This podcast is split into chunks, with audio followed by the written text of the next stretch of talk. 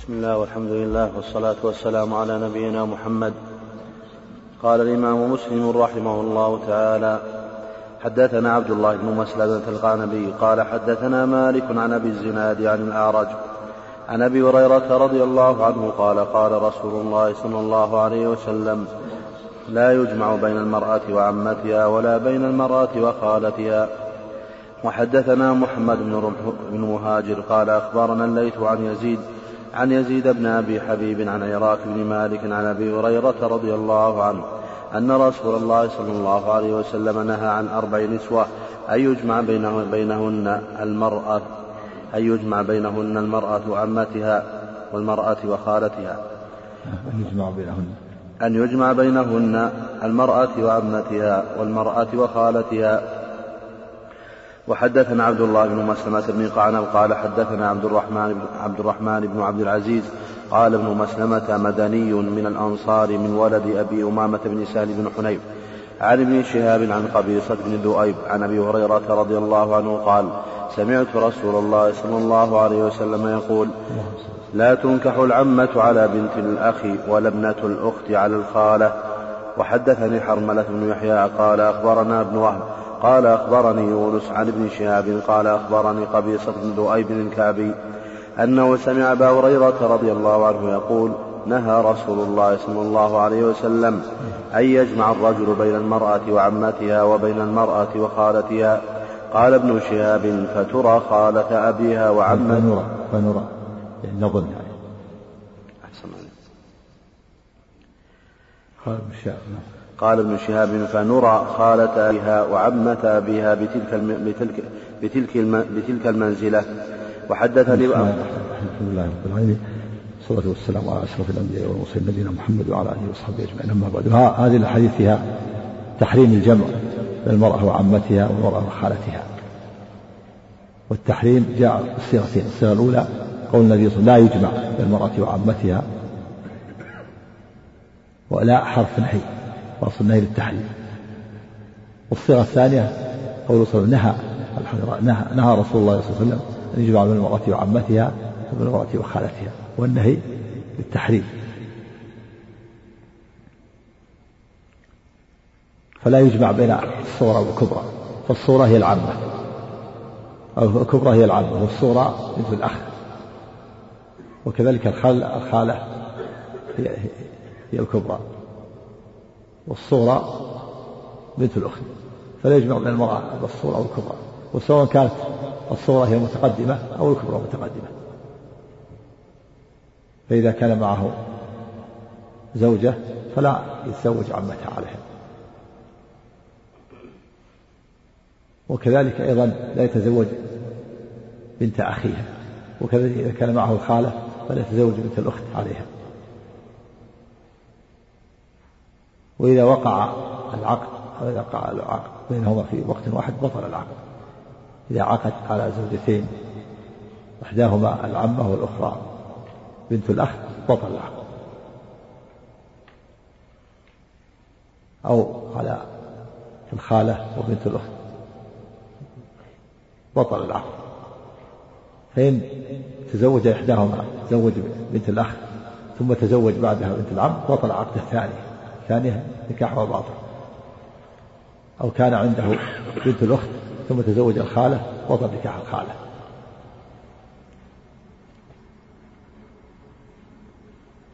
وسواء كانت العمة عمة الأب أو عمة الجد أو عمة أب الجد. كما قال ابن الشهاب وكذلك الخالة سواء خالة الأم أو خالة الجدة أو خالة أم الجد. كما قال ابن الشهاب فنرى أن عمة أبيها وجدها وعمة خالتها وجدتها كذلك كما قال ابن شهاب. ما, ما ظنه ابن شهاب هو الصواب أنه لا يجمع بين المرأة وعمتها سواء كانت عمة الأب أو عمة الجد أو عمة ما فوق ذلك. وكذلك أيضا أو كانت خالة الأب أو خالة الجد.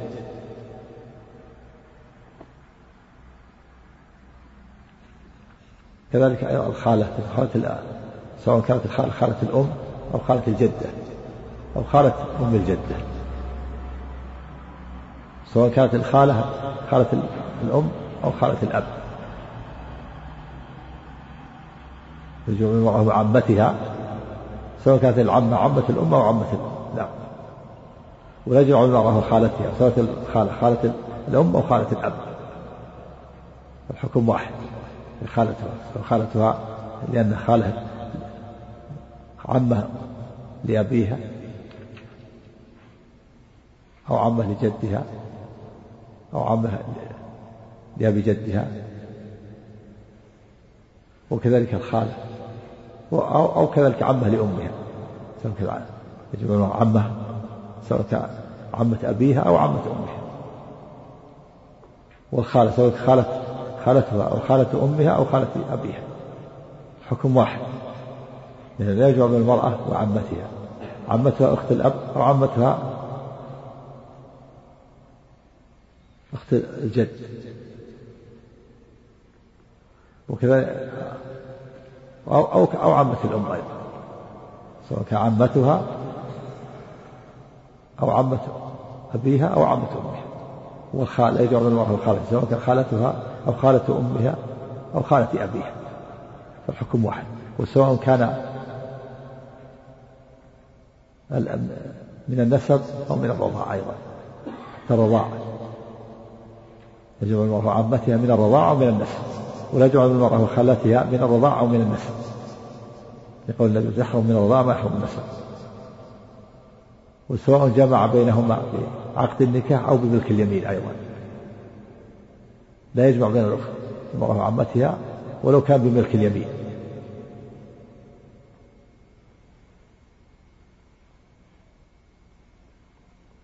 لعموم الحديث. يجمع بين المرأة وعمتها من النسب أو بينها وبين عمتها من الرضاعة ولا يجمع بين المرأة وخالتها من النسب أو من الرضاعة أو لا يجمع حتى بملك اليمين. تزوج أمه ثم يتزوج خالة الأمة أو يتزوج أمة ثم يتزوج عامة عمتها يعني تجمع بينهما. سواء كان بعقد النكاح أو بملك اليمين. فالحكم واحد. وهذا الحكم وهو النهي عن تحريم بين المرأة وعمتها وخالتها مما جاء في السنة ولا يرد في القرآن الكريم. والسنة جاءت بأحكام جديدة. هو مخصص لقوله تعالى وأحل لكم ما وراء ذلكم. فإن الله تعالى لما ذكر المحرمات في القرآن الكريم حرمت عليكم أمهاتكم وبناتكم وأخواتكم ثم قال والمحصنات من النساء ثم قال ثم قال سبحانه وأحل لكم ما وراء ذلك ولم تذكر جمع المرأة وعمتها فيكون هذه النصوص تخصص. قوله تعالى وأحل لكم ما وراء ذلك يعني إلا ما جاء استثناءه بعد ذلك. وتكون السنة مخصصة في القرآن فلا بأس تخصص هذا مثال لتخصيص السنة في القرآن. ومن الأحكام التي جاءت في في السنة ولم ترد في ولم ترد في الكتاب العزيز تحريم كل ذي ناب من السباع وكل ذي مخلب من الطير. هذا هذا الحكم جاء في السنة ولم يرد في القرآن والسنة لها أحوال ثلاثة مع القرآن. الحالة الأولى أن تأتي السنة موافقة ومقررة ومؤيدة لما جاء حكمه في القرآن العزيز. كما جاء القرآن بوجوب الصلاة ووجوب الزكاة ووجوب الصوم ووجوب الحج وجاءت السنة كذلك. وجوب الصلاة ووجوب الزكاة ووجوب الصوم ووجوب الحج. الحكم الثاني أو الحالة الثانية أن تأتي السنة بتفصيل لما جاء في القرآن العزيز. يأتي القرآن بحكم مجمل ثم يأتي في السنة ما يبين هذا الإجمال. أو يأتي القرآن بحكم عام ثم تأتي السنة بتخصيص هذا العام. أو تأتي السنة بمطلق القرآن يأتي بحكم مطلق ثم تأتي السنة وتقيده.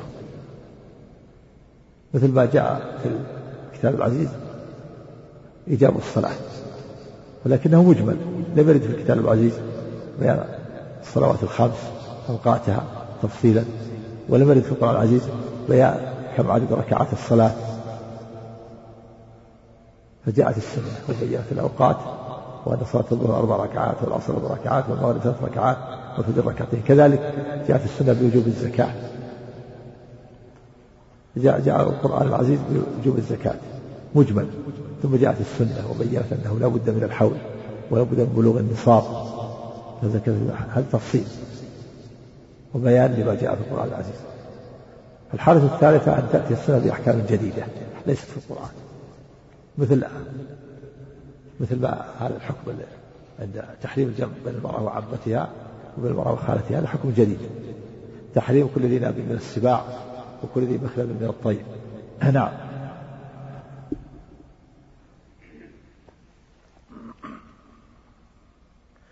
وحدثني أبو معن الرقاشي قال حدثنا خالد بن حارث قال حدثنا هشام عن يحيى أنه كتب إليه عن أبي سلمة عن أبي هريرة رضي الله عنه قال قال رسول الله صلى الله عليه وسلم لا تنكح المرأة على عمتها ولا على خالتها. وحدثني إسحاق. لا تنكح الصغرى على الكبرى. لا تنكح المرأة على عمتها إذا كان معه العمة وهي الكبرى فلا ينكح الصغرى عليها. وبالعكس إذا كانت الصغرى معه فلا ينكح الكبرى وهي العمة. فلا يجمع بين المرأة لا ينكح الصغرى على الكبرى ولا الكبرى على الصغرى. الكبرى العمة والخالة والصغرى بنت الأخ وبنت الأخت. وسواء تقدم تحتهم أو تأخر. إذا كان معه الصغرى وبنت الأخ فلا ينكح العمة عليها. أو بنت الأخت فلا ينكح الخالة عليها. وكذلك العكس إذا كانت معه الخالة فلا ينكح وهي الكبرى لا ينكح بنت الأخت عليها. أو الخالة بنت العمة أو مع بنت الأخ فلا ينكح الكبرى عليها وهي العمة. لا تنكح الصغرى على الكبرى ولا الكبرى على الصغرى. نعم. وحدثني إسحاق بن منصور قال حدثنا عبيد الله بن موسى عن شيبان عن يحيى قال حدثني أبو سلمة أنه سمع أبا هريرة رضي الله عنه يقول قال رسول الله صلى الله عليه وسلم بمثله حدثنا أبو بكر بن أبي شيبة قال حدثنا أبو أسامة عن هشام عن محمد بن سيرين عن أبي هريرة رضي الله عنه عن النبي صلى الله عليه وسلم قال لا يخطب الرجل على خطبة أخيه ولا يصوم على صوم أخيه ولا تنكح المرأة على عمتها ولا على خالتها ولا تسأل المرأة طلاق أختها لتكتفئ صحفتها ولتنكح فإنما لها ما كتب الله لها. إيش؟ ولا تسأل المرأة. ولا تسأل المرأة طلاق أختها لتكتفي لتكتفي صحفتها ولتنكح فإنما لها ما كتب الله لها. نعم وهذا فيه النهي عن صوم الرجل على صوم أخيه. لا يصوم على صومه يعني إذا ركن إليه. إذا سامه سام السلعة بمئة ثم سكت. البائع معناه أنه ركن إليه. هذا لا يصوم أما إذا سامه من يزيد ما ما ما رضي بالصوم فلا بأس أن يزيد. لا يصوم على صوم أخيه ولا يبيع على بيعه كما سيأتي. ولا تسأل وفيه يعني لا تسأل المرأة طلاق أختها لتكتفي ما في صحفتها. يعني, يعني إذا خطب شخص امرأة فإن بعض الناس يقول لا بأس نزوجك لكن بشرط أن تطلق زوجتك الأولى وأم أولادك. هذا حرام عليه ما يجوز له بل إما أن يزوجه وإما أن يرده. أما أن يشترط طلاق زوجته الأولى فهذا لا يجوز. ولهذا قال لا تسأل المرأة طلاق أختها لتكتفي ما في صحفتها يعني ولتنكح فإن لها ما ما قسم الله لها يعني تتزوج ولا تسأل طلاق الأولى. سواء كان هي أو وليها معنى تكتفي ما في صحبتها يعني حتى يكون لها ما كان الأولى من العشرة والنفقة. سمى ما يحصل الأولى من النفقة والعشرة بالشيء بما يكون في الصحبة شبه بما يكون في الصحبة من الطعام. تكتفي يعني تكتفي ما فيها يعني يعني تأخذ ما في صحفتها تكتفي يعني اكتفاء الشيء كببته عليه. ولتنكح تتزوج ولا تسأل فإن الله فإن لها ما قدر لها. في اللفظ الآخر فإن الله رازقها. تزوج ولا تسأل الطلاق الأولى. بعض الناس يعني ينبغي أن لهذا. بعض الناس إذا خطب شخص منهم قالوا ما في مانع أنت عندنا غالي وكذا لكن بشرط أن تزوج أن تطلق زوجتك الأولى وأم أولادك. ونزوجك. هذا حرام عليه حتى أن بعض الناس يتحيل يطلق زوجته الأولى ثم يراجعها. يطلق زوجته الأولى فإذا عقدوا له راجع زوجته الأولى. كل هذا بسبب هذا الشر. حرام عليهم هذا. بل إما أن يزوجوه وإما أن يردوه ولا يتكلموا في الأولى. إن رغبوا زوجوه وإن رغبوا تركوه أما أن يشترطوا عليهم طلق زوجتها الأولى وأم أولاده هذا حرام عليهم لأن الله لأن النبي نهى عن هذا. قال لا لا تسأل مرة طلاق أختها لتكتفي ما في صحفتها نعم.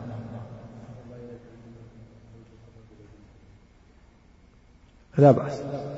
لا حول نعم كان بين المرأة زوج امرأة وزوج. آه، بنتها زوج زوجة رجل وبنتها. هذا الرجل من غير هذه المرأة لا بأس. وحدثني محرز بن عون وحدثني محرز بن عون بن أبي عون. قال حدثنا علي بن مسهر عن داود بن أبي هند عن ابن سيرين عن أبي هريرة رضي الله عنه قال نهى رسول الله صلى الله عليه وسلم أن تنكح المرأة أن تنكح المرأة على عمتها أو خالتها أو أن تسأل المرأة طلاق أختها لتكتفئ ما في صحفتها فإن الله عز وجل رازقها. نعم. يعني تتزوج الله تعالى رازقها وسيأتيها ما قدر لها بدون الشر هذا الشر حسن يعني لأنها إذا تزوجها طلق أختها يعني كأنهم شبه هذا بالشيء الذي يؤخذ كأن أخذت. ما للزوجة الأولى كأنه شيء في في إناء كبته وأخذته على نفسها من صاحبتها. نعم. وهو شيء معنوي ليس شيئا حسيا نكتفي فيه هو شبه بالشيء الحسي نعم. حدثنا محمد بن مثنى وابن بشار وابو بكر بن وابو بكر بن نافع واللفظ لابن مثنى وابن نافع. قال وأخبرنا ابن أبي عدي عن شعبة عن عمرو بن عن عمرو بن دينار عن أبي سلمة عن أبي هريرة رضي الله عنه قال نهى رسول الله صلى الله عليه وسلم أن يجمع بين المرأة وعمتها وبين المرأة وخالتها. وحدثني محمد بن حاتم قال حدثنا شبابة قال حدثنا ورقاء عن عمرو بن دينار بهذا الإسناد مثله. حدثنا يحيى بن يحيى قال قرأت على مالك عن نافع عن نبيه بن وهب أن عمر بن عبيد الله أراد أن يزوج طلحة بن عمر بنت شبة أن يزوج طلحة بن عمر بنت شيبة بن جبير فأرسل إلى أبان بن عثمان يحضر ذلك وهو أمير الحج. فقال أبان سمعت عثمان بن عفان رضي الله عنه يقول قال رسول الله صلى الله عليه وسلم لا ينكح المج... لا ينكح المحرم ولا ينكح ولا يخطب. نعم كأنه أراد يزوجه وهو محرم أو أن الزوج محرم أو أن فبين لها أن هذا لا يجوز. لا ينكح المحرم ولا ينكح في تحريم نكاح المحرم. لا ينكح المحرم يعني لا يعقد النكاح لنفسه ولا ينكح لا يعقد النكاح لغيره. لا ينكح هو بنفسه لا يتزوج بنفسه ولا يزوج غيره. فلا ينكح المحرم إذا كان محرم لا يتزوج هو ولا ينكح يعني يعقد الزواج لابنته أو أخته وهو محرم. وسواء كان محرم الزوج أو الزوجة أو أو العاقد أو الشاهد أيضا. كل منهما ليس له أن فالزوج ليس له أن يتزوج وهو محرم والزوجة ليس لها أن تتزوج وهو محرم والولي ليس له أن يعقد النكاح وهو محرم حتى ولو كانت الزوجة حلال وهو وهو محرم لا يعقد النكاح. لابد يكون هو حلال والزوجة حلال. والزوج حلال والشهود أيضا حلال. لا ينكح المحرم بنفسه هو يعني لا يعقد النكاح. ولا ينكح لا يعقد النكاح لموليته وهو محرم. ولا يخطب أيضا حتى لأنه وسيلة في تحليل الخطبة لا يخطب المحرم حتى يتحلل من الإحرام ثم يخطب لأن الخطبة وسيلة وسيلة إلى النكاح والنكاح وسيلة إلى والعقد وسيلة إلى الجماع وهو محرم على المحرم. نعم. نعم. وهذا وسيلة لأن هذا وسيلة. نعم. وإعانة. نعم. كسرته لا ينكح ولا لا ينكح المحرم ولا ينكح. الأولى بفتح فتح المثنات ينكح وكسره الكاف مكسورة في الاثنين لكن الياء. الياء مثنات الأولى مفتوحة والثانية مضمومة. والكاف في كليهما مكسورة. لا في كليهما مكسورة الكاف لا ينكح ولا ينكح. والياء الأولى مفتوحة والثانية مضمومة نعم.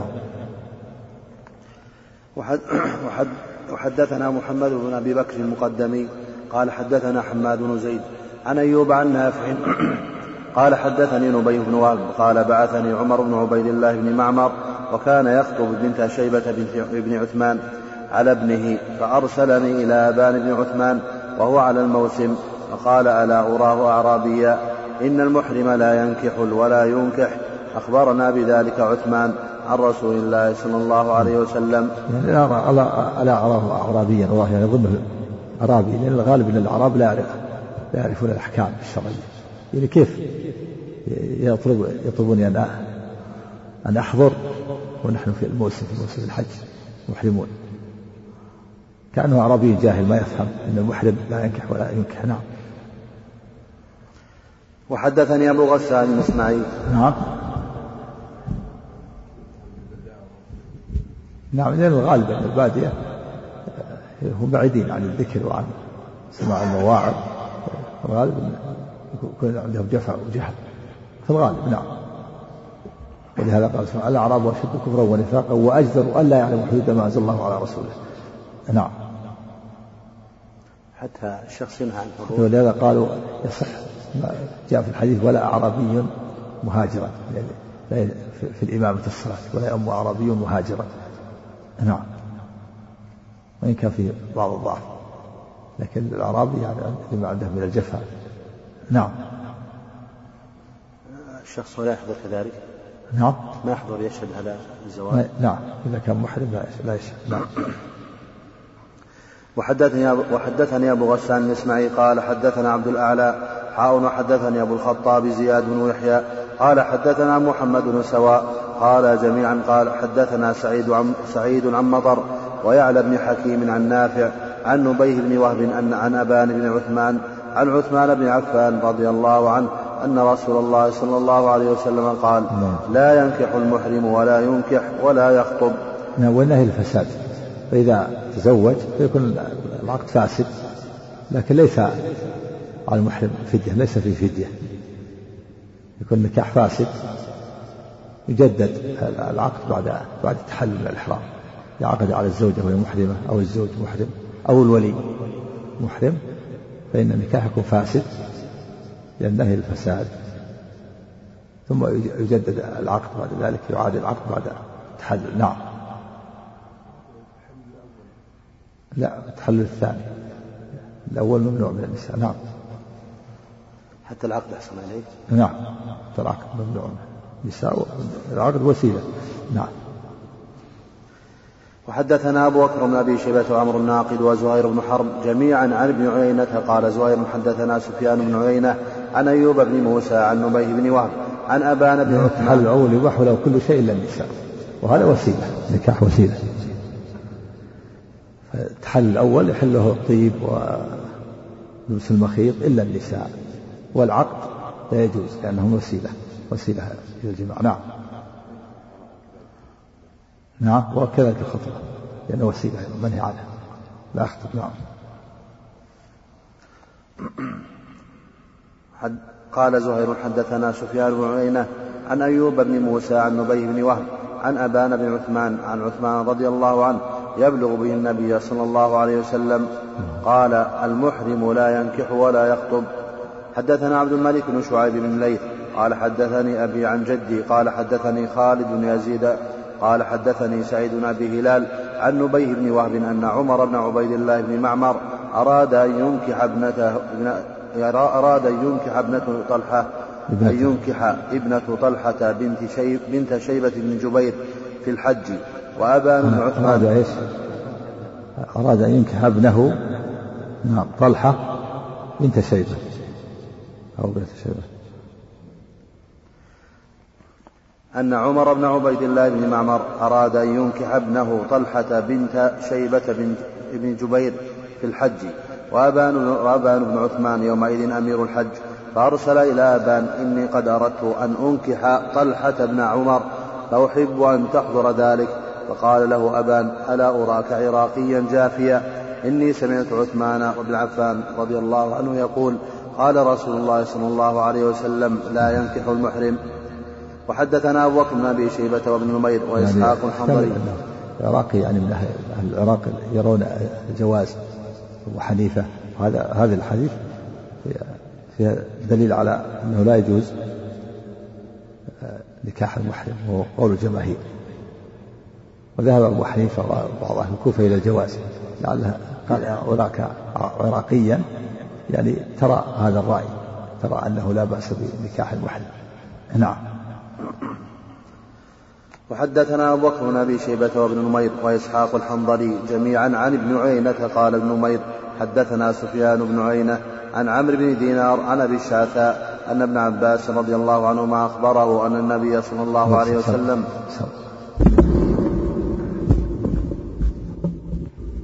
أحسن الله عليك وحدثنا أبو بكر بن أبي شيبة وابن نمير وإسحاق الحنظلي جميعا عن عن ابن عيينة قال ابن نمير حدثنا سفيان بن عيينة عن عمرو عن عمرو بن دينار عن أبي الشعثاء أن أن ابن عباس أخبره رضي الله عنهما أن النبي صلى الله عليه وآله وسلم تزوج ميمونة وهو محرم. نعم هذا الحديث رواه البخاري أيضا في الصحيح. اتفق عليه الشيخان. عن ابن عباس وهو حديث صحيح لا بأس به. أن النبي صلى الله عليه وسلم تزوج ميمونة وهو محرم. لكن الصواب أن ابن عباس غلط ووهم الحديث صحيح لكن ابن عباس غلط ووهم والصواب أن تزوجها وهو حلال. وميمونة وإن كانت خالته هو إلا أنه غلط في هذا غلطه العلماء. لأن ميمونة نفسها وهي صاحبة القصة أخبرت أن النبي صلى الله عليه وسلم تزوجه وهو حلال. وكذلك أيضا أبو رافع وكان السفير بينها وبين النبي صلى الله عليه وسلم أخبر أن النبي تزوجها وهو حلال. وكذلك يزيد بن الأصم وهي خالته كما أن خالة بن عباس أخبر أن النبي صلى الله عليه وسلم تزوجها وهي حلال. فدل هذا على أن ابن عباس وحي. وابن عباس صغير في ذلك الوقت. فالصواب أن هذا وهم وغلط من ابن عباس ظن أنه تزوجها وهي حلال خفي عليه. أيها الأحبة في الله ما تبقى من مادة هذا الشريط تتابعونها في الشريط التالي كان السفير بينها. وكذلك يزيد بن الأصم وهي خالته كما أن خالة ابن عباس أخبر أن النبي صلى الله عليه وسلم تزوجها وهي حلال. فدل هذا على أن ابن عباس وهم. وابن عباس صغير في ذلك الوقت. فالصواب أن هذا وهم وغلط من ابن عباس ظن أنه تزوجها وهي حلال خفي عليه. لأن ميمونة صاحبة القصة نفسها. هي صاحبة القصة أخبرت النبي تزوجها وهي حلال. وأبو رافع كان السفير بينها وبين النبي صلى الله عليه وسلم أخبر ويزيد بن الأصم وهي خالته. كما سيأتي أخبر أنه تزوجها وهي حلال. وهي خالته وخالة ابن عباس أيضا. ومن العلماء من من تأول الحديث قال المعنى زوجها وهو وهو محرم يعني وهو في الحرم داخل الحرم. ومن كان داخل الحرم يقال له محرم.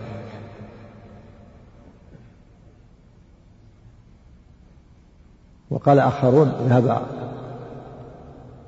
آخرون إلى إلى الج... استدلوا بهذا الحديث أبي حنيفة والكوفة إلى جواز نكاح المحرم وأنه لا بأس به.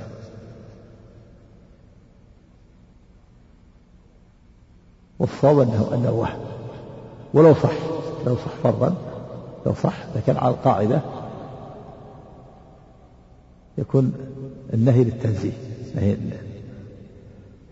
في حديث عثمان لا ينكح يكون للتنزيه وهذا للجواز أو أن هذا أو أن هذا من خصوصات النبي صلى الله عليه وسلم وأنه خاص به. وأن الله خصه بذلك كما خصه بأشياء منها المرأة تهب نفسها له. هذا لو صح لو يعني لو صح هذا. لكن الصواب إنه إنه لا إنه لا لم يتزوجها وهو محرم. الصواب عليه الجماهير أنه هذا غلط ابن عباس ووهم هذا من اوهامه واغلاطه رضي الله عنه. فلا يمكن أن يقدم قول ابن عباس على قول ميمونه نفسها وابي رافع ويزيد بن الاصم وهي خالته كما أن خالة ابن عباس. نعم.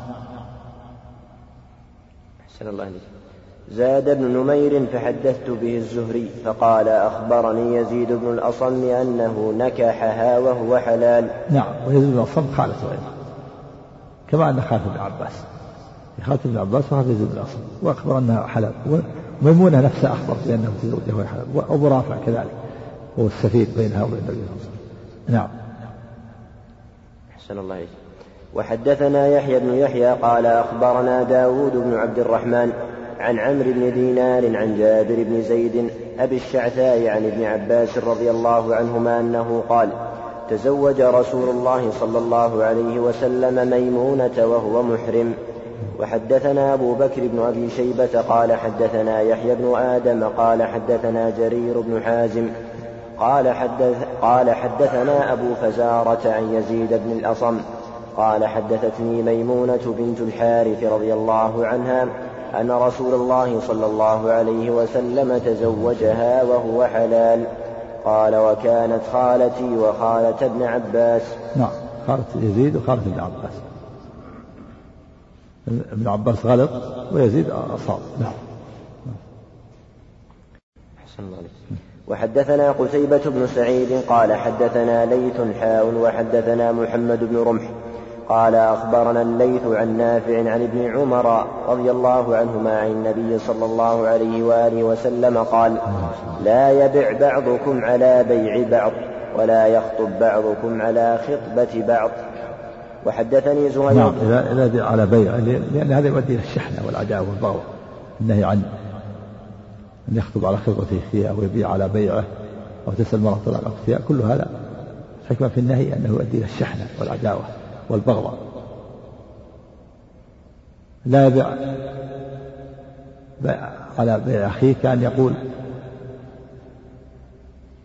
آه لمن؟ اشترى سلعة من شخص بمئة وهو في مدة الخيار رد السلعة وأنا أبيعك أحسن منها بأقل من ثمنها. اشترى سلعة مثلا بمئة وهو في مجلس الخيار يأتي إليه ويردها وأنا أبيع عليك سلعة أحسن منها بثمانين هذا بيع على بيع أخي. يؤدي الشحن لا يجوز لها. ودام اشتراه الحمد لله. لا تعرض له. ولا يخطب على خطبة أخيه أيضا. لأنه يؤدي الشحن إذا علم أنه خطب على خطبته وحصل عداوة وشحن. في اللفظ الآخر إلا أن يأذن أو يرد. إلا أن يأذن يأذن له الأول أو أو يردونه.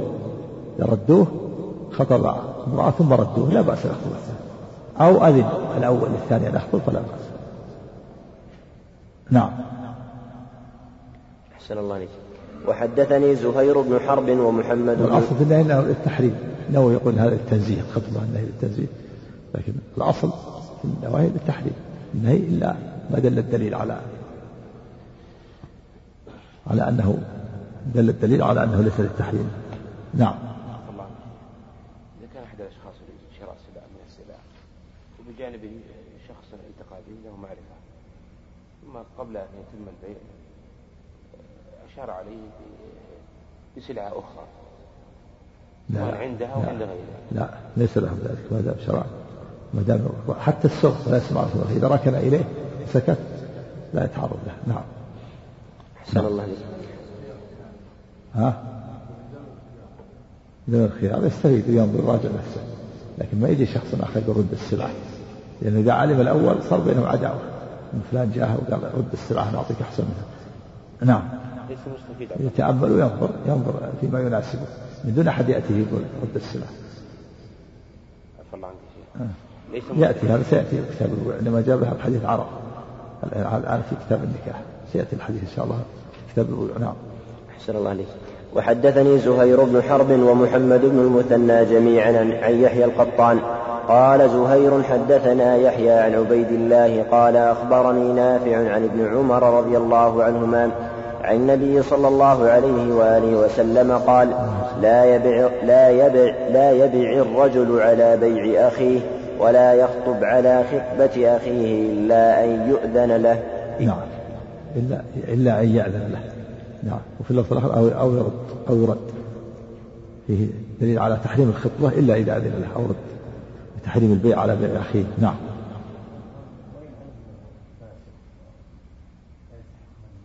و... ها؟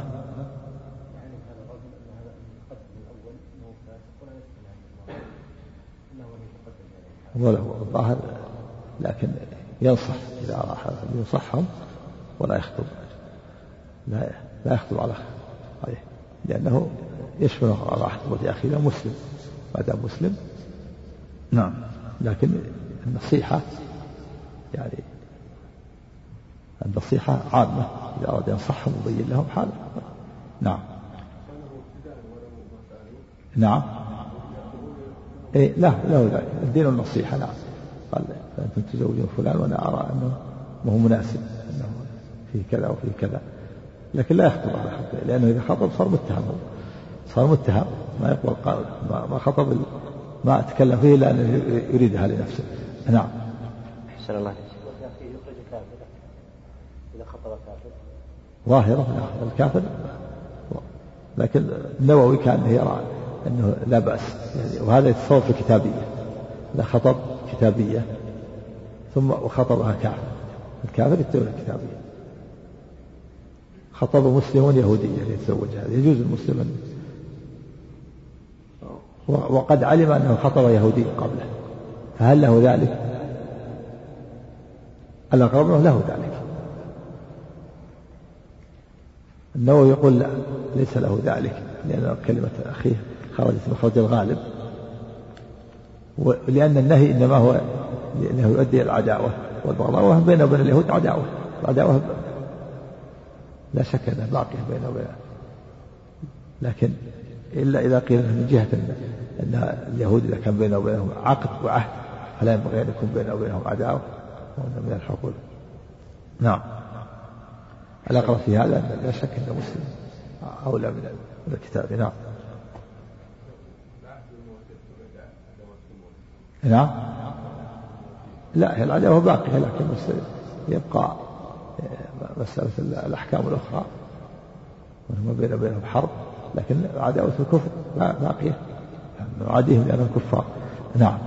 أحسن الله عليك وحدثناه أبو بكر بن أبي شيبة قال حدثنا علي بن مسهر عن عبيد الله بهذا الإسناد وحدثنيه أبو كامل الجحدري قال حدثنا حماد قال حدثنا أيوب عن نافع بهذا الإسناد وحدثني عمرو الناقد وزهير بن حرب وابن أبي عمر قال زهير حدثنا سفيان بن عيينة عن الزهري عن سعيد عن أبي هريرة رضي الله عنه أن النبي صلى الله عليه وآله وسلم نهى أن يبيع حاضر لباد أو يتناجش أو يخطب الرجل على خطبة أخيه أو يبيع على بيع أخيه. ولا أن يبيع حاضر لباد. وهو أن يأتي رجل من خارج البلد معه سلعة يريد أن يبيعها بسعر يومها. ثم يأتي رجل من البلد يقول أظن السلعة نبيعها أبيعها لك. فليس له ذلك لأن الذي قدم البلد يريد أن يبيعها بسعر يومها برخص للناس. وهذا الذي جاء من البلد قال بيعها يشدد على الناس يبيعها بغالي يترك ليس له أن يبيع لها. والمراد بالبادي من يقدم من البلد سواء كان من البادية أو من غيره. والحاضر ما يكون من البلد. إذا قدم رجل من خارج البلد معه سلعة أو معه مثلا شيء من الأطعمة سمن أو عقد يريد أن يبيعها بسعر يوم برخص للناس ثم يأتي إنسان من البلد قال آه خلها عندي أبيعها لك على على الساعة. يشدد على الناس. قد يكون هذا يبيعها مثلا بعشرة ويمشي هذا ما يبيعها إلا بعشرين أو ثلاثين. ليس له ذلك لا, لا يبيعها لكن إذا جاء البادي وقال لفلان بيعها لي هل له ذلك؟ قال أنا باجي أجعل السلعة عندك تبيعها. الأقرب والله في هذه الحالة أنه أنه لا بأس لأنه هو الذي أراد أن يترك السلعة عنده. أما أن يأتي صاحب البلد يقول هات السلعة أنا أبيعها لك فليس له ذلك. وكذلك النجش تناجشوا النجش هو يزيد في السلعة وهو لا يريد شراءها بل يريد أن يضر المشتري أو ينفع البائع. لا يجوز ذلك. لا يزيد في السلعة إلا وهو يريد الشراء تجد يزيد في السلعة بعض الناس. خمسة ستة سبعة يزيد. حتى يضر المشتري. يزيد. لأن المشتري عدو له. أو حتى ينفع البائع. ليس له ذلك. نعم. هذا يؤدي إلى الشحنة ولا نعم. أحسن الله عليك أن النبي صلى الله عليه وسلم نهى أن يبيع حاضر لباد أو يتناجش أو يخطب الرجل على خطبة أخيه أو يبيع على بيع أخيه. ولا تسأل المرأة طلاق أختها لتكتفئ ما في إنائها. نعم خمسة أشياء كلها يعني. البيع الحاضر لباد والنجش والبيع على بيع أخيه والخطبة على خطبة أخيه وأن تسأل المرأة طلاق أختها كما سبق. نعم. ولا تسأل المرأة طلاق أختها لتكتفئ ما في إنائها أو ما في صحفتها. نعم شبه ما يحصل للأولى من النفقة والمعاشرة بما يكون في الإناء ثم بما يكون في الإناء ويكب يكبه الإنسان لنفسه يعني يأخذ. نعم. أحسن الله عليك وحدثني حرملة بن يحيى قال أخبرنا ابن زاد عمرو في روايته ولا يسم الرجل على سوم أخيه. لا يسم يسم من سام الثوم ولا يسم الرجل. يعني إذا سام السلعة. قال كم السلعة؟ قال سم قال بيع ثم سكت. كأنه ركن إليه لا تسم لكن إذا قال مئة قال لا أنا ما أرضى ما يزيد. ما في, ما في زيادة لا بأس. نعم. أحسن الله عليك وحدثني حرملة بن يحيى قال أخبرنا ابن وهب قال أخبرني يونس عن ابن شهاب قال حدثني سعيد بن المسيب. نعم. لا إذا سكت ركن إليه. نعم. الله عنك. وحدثني حرملة بن يحيى قال أخبرنا ابن وهب قال أخبرني يونس عن ابن شهاب قال حدثني سعيد بن المسيب أن أبا هريرة رضي الله عنه قال قال رسول الله صلى الله عليه وسلم لا تناجشوا ولا يبع المرء على بيع أخيه ولا يبع حاضر لباد ولا يخطب المرء على خطبة أخيه ولا تسأل المرأة طلاق الأخرى لتكتفئ ما في إنائها. وحدثنا أبو بكر بن أبي شيبة قال حدثنا عبد الأعلى حاء وحدثني محمد بن رافع قال حدثنا عبد الرزاق جميعا عن معمر عن الزهري بهذا الإسناد مثله غير أن في حديث معمر ولا يزد ولا يزد الرجل على بيع أخيه. حدثنا يحيى بن أيوب وقتيبة وابن حجر جميعا عن إسماعيل بن جعفر قال ابن أيوب قال ابن أيوب حدثنا إسماعيل قال أخبرني العلاء عن أبيه عن أبي هريرة رضي الله عنه أن رسول الله صلى الله عليه وسلم قال لا يسم المسلم لا يسم المسلم على سوم أخيه ولا يخطب ولا يخطب على خطبته. وحدثني أحمد بن إبراهيم الدورقي قال حدثنا عبد الصمد قال حدثنا شعبة عن العلاء وسهيل عن أبيهما عن أبي هريرة رضي الله عنه عن النبي صلى الله عليه وسلم. حاء وحدثناه محمد بن المثنى. قال حدثنا عبد الصمد قال حدثنا شعبة عن الأعمش عن أبي صالح عن أبي هريرة أن رضي الله عنه عن النبي صلى الله عليه وآله وسلم إلا أنهم قالوا على سوم أخيه وخطبة أخيه. نعم الخطبة النكاح الخطبة بكسر الخاء والموعظة الخطبة. أما خطب يخطب هذا للجمع للموعظة وللنكاح خطب يخطب. لكن المصدر النكاح خطبة والموعظة خطبة. نعم. أحسن الله عليك وحدثني أبو الطاهر قال أخبرنا عبد الله بن وهب عن الليث وغيره عن يزيد بن أبي حبيب عن عبد الرحمن بن شماسة أنه سمع عقبة بن عامر رضي الله عنه على المنبر يقول إن رسول الله صلى الله عليه وآله وسلم قال المؤمن أخو المؤمن فلا يحل للمؤمن أن يبتاع على بيع أخيه. ولا يخطب على خطبة أخيه حتى يذر. حتى يذر. ولا يبتاع يشتري. كما أنه لا يشتري لا يبيع على بيعه فلا يشتري على شرائه كان يأتي للبائع الذي باع سلعة مئة في زمن الخيار يقول افسخ البيع وأنا أشتري السلعة اللي شراها 100 أشتريها 120 هذا شراء على شراء. نعم. أحسن الله عليك. حدثنا يحيى بن يحيى قال قرأت على مالك عن نافع عن ابن عمر رضي الله عنهما أن رسول الله صلى الله عليه وسلم نهى عن الشغار والشغار أن يزوج الرجل ابنته على أن يزوجه ابنته وليس بينهما صداق. وحدثني زهير بن حرب ومحمد بن المثنى وعبيد الله بن سعيد قالوا حدثنا يحيى عن عبيد الله عن نافع عن ابن عمر رضي الله عنهما عن النبي صلى الله عليه وسلم بمثله.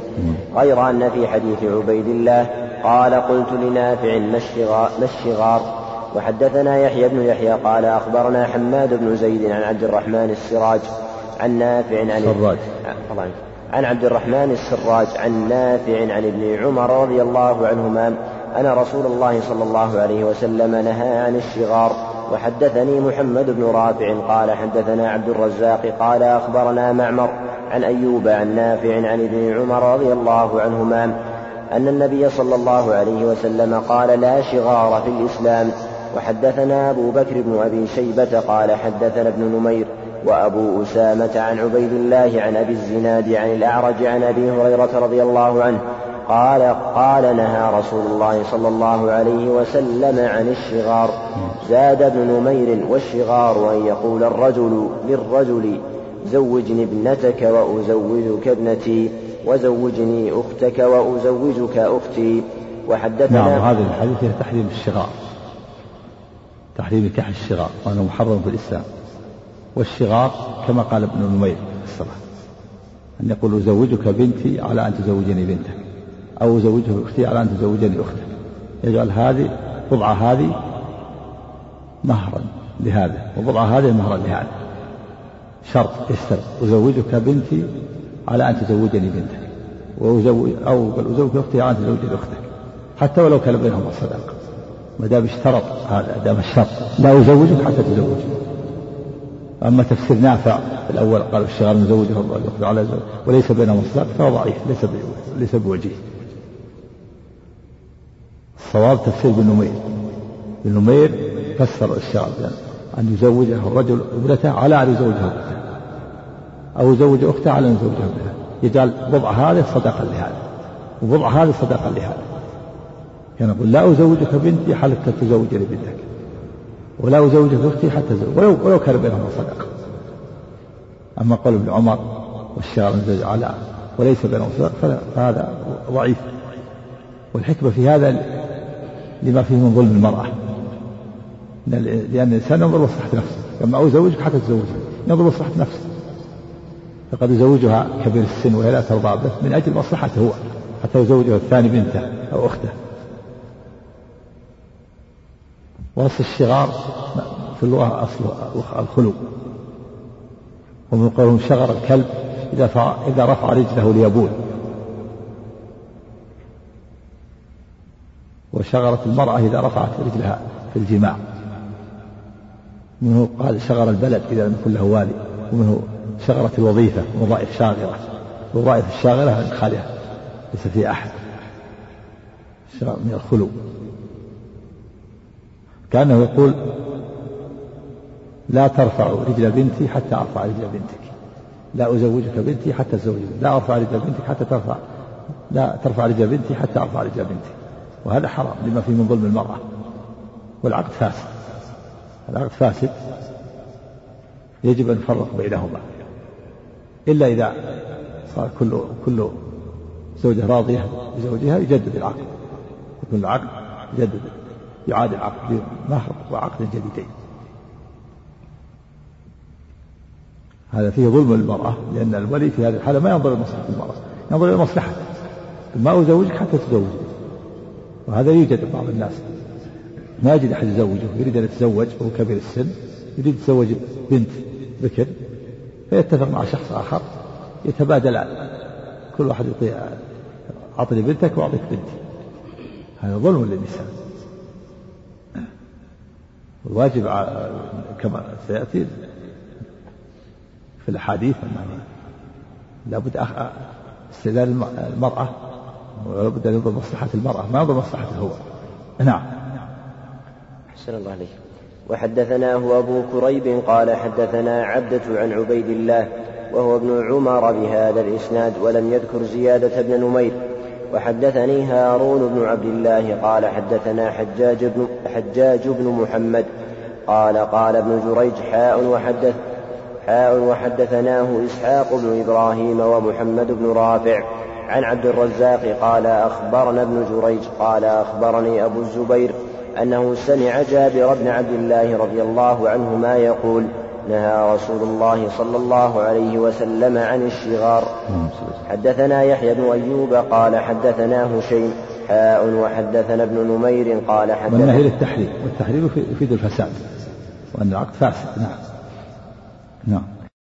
الله عليك حدثنا يحيى بن أيوب قال حدثنا هشيم حاء وحدثنا ابن نمير قال حدثنا وكيع حاء وحدثنا أبو بكر أبو بكر بن أبي شيبة قال حدثنا أبو خالد الأحمر حاء وحدثنا محمد بن المثنى قال حدثنا يحيى وهو القطان عن عبد الحميد بن جعفر عن يزيد بن أبي حبيب عن مرثد بن عبد الله اليزني عن عقبة بن عامر رضي الله عنه رضي الله عنه قال قال رسول الله صلى الله عليه وسلم إن أحق الشرط أن يوفى به ما استحللتم به الفروج.